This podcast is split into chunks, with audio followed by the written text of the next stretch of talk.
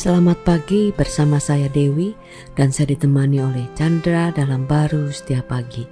1 Samuel 16 ayat 13a. Samuel mengambil tabung tanduk yang berisi minyak itu dan mengurapi Daud di tengah-tengah saudara-saudaranya. Ini uh, cerita tentang bagaimana Tuhan itu uh, memilih Daud sebagai raja bagi bangsa Israel ya. Kalau dilihat dari uh, jasmani yang memang nggak bisa dibandingin ya dengan saudara-saudaranya yang lain yang begitu punya pengalaman yang uh, secara jasmaninya tinggi badannya besar dan semuanya ya tetapi ya semuanya itu Tuhan jauh lebih tahu daripada manusia sendiri ya di mana Tuhan itu memilih yang terbaik.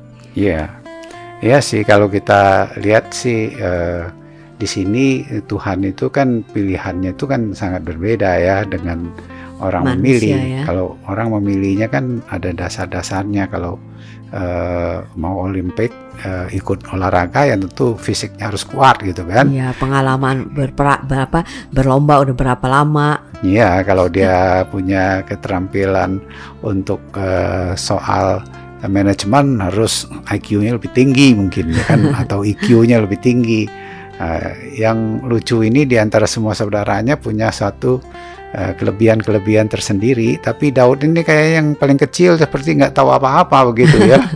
Cuma seorang gembala istilahnya iya, kan, mana kecil. ada pengalaman untuk jadi raja. Gitu. Iya, tapi ya kembali lagi ini bukan berarti Tuhan ingin mengabaikan yang lain dan hanya memilihkan Daud. Hmm. Sebenarnya itu gambaran aja Hidup hmm. kita ini ya tidak ada satu dasar apa pun dari diri kita yang membuat Tuhan itu bisa memilih, uh, memilih kita. kita. Bukan, tapi dasarnya adalah kasih Dia begitu wow. besarnya.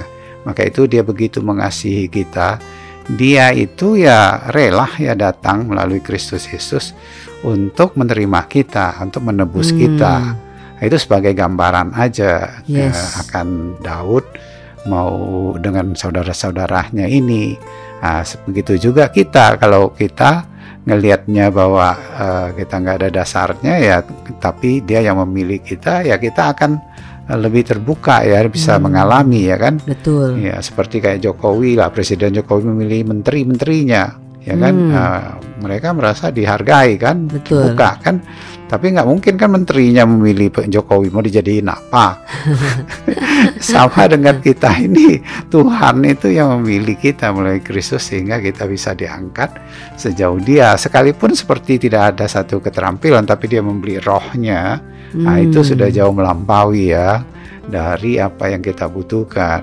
Yes. Uh, sekalipun ada juga di firman dikatakan uh, dia memilih yang lemah, dia memilih yang dia dianggap oleh dunia ini. Hmm. Uh, sebenarnya ya semua orang mau dipilih oleh Tuhan dengan menaruhkan rohnya. Kita ya sudah jauh melampaui dari satu kehidupan yang lama menjadi kehidupan baru sejauh dia. Hmm, sehingga hidup kita itu uh, tidak lagi melihat sejauh kemampuan kita ya, tetapi kemampuan daripada hidup Kristus yang ada di dalam kita.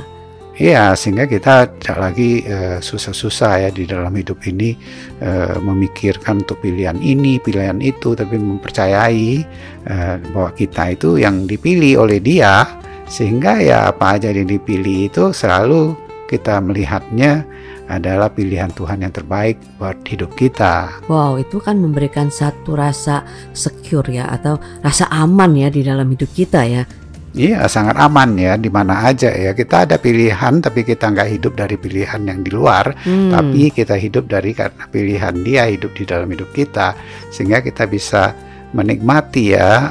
Tapi ya bukan berarti Tuhan nggak memberikan apa yang kita inginkan sebagai pilihan kita, hmm. tapi Dia tahu yang terbaik dan kita nggak nunggu itu dulu terjadi baru kita bisa menikmati, tapi kita sudah bisa menikmati karena ada Dia yang telah memilih hidup kita. Amin. Amin.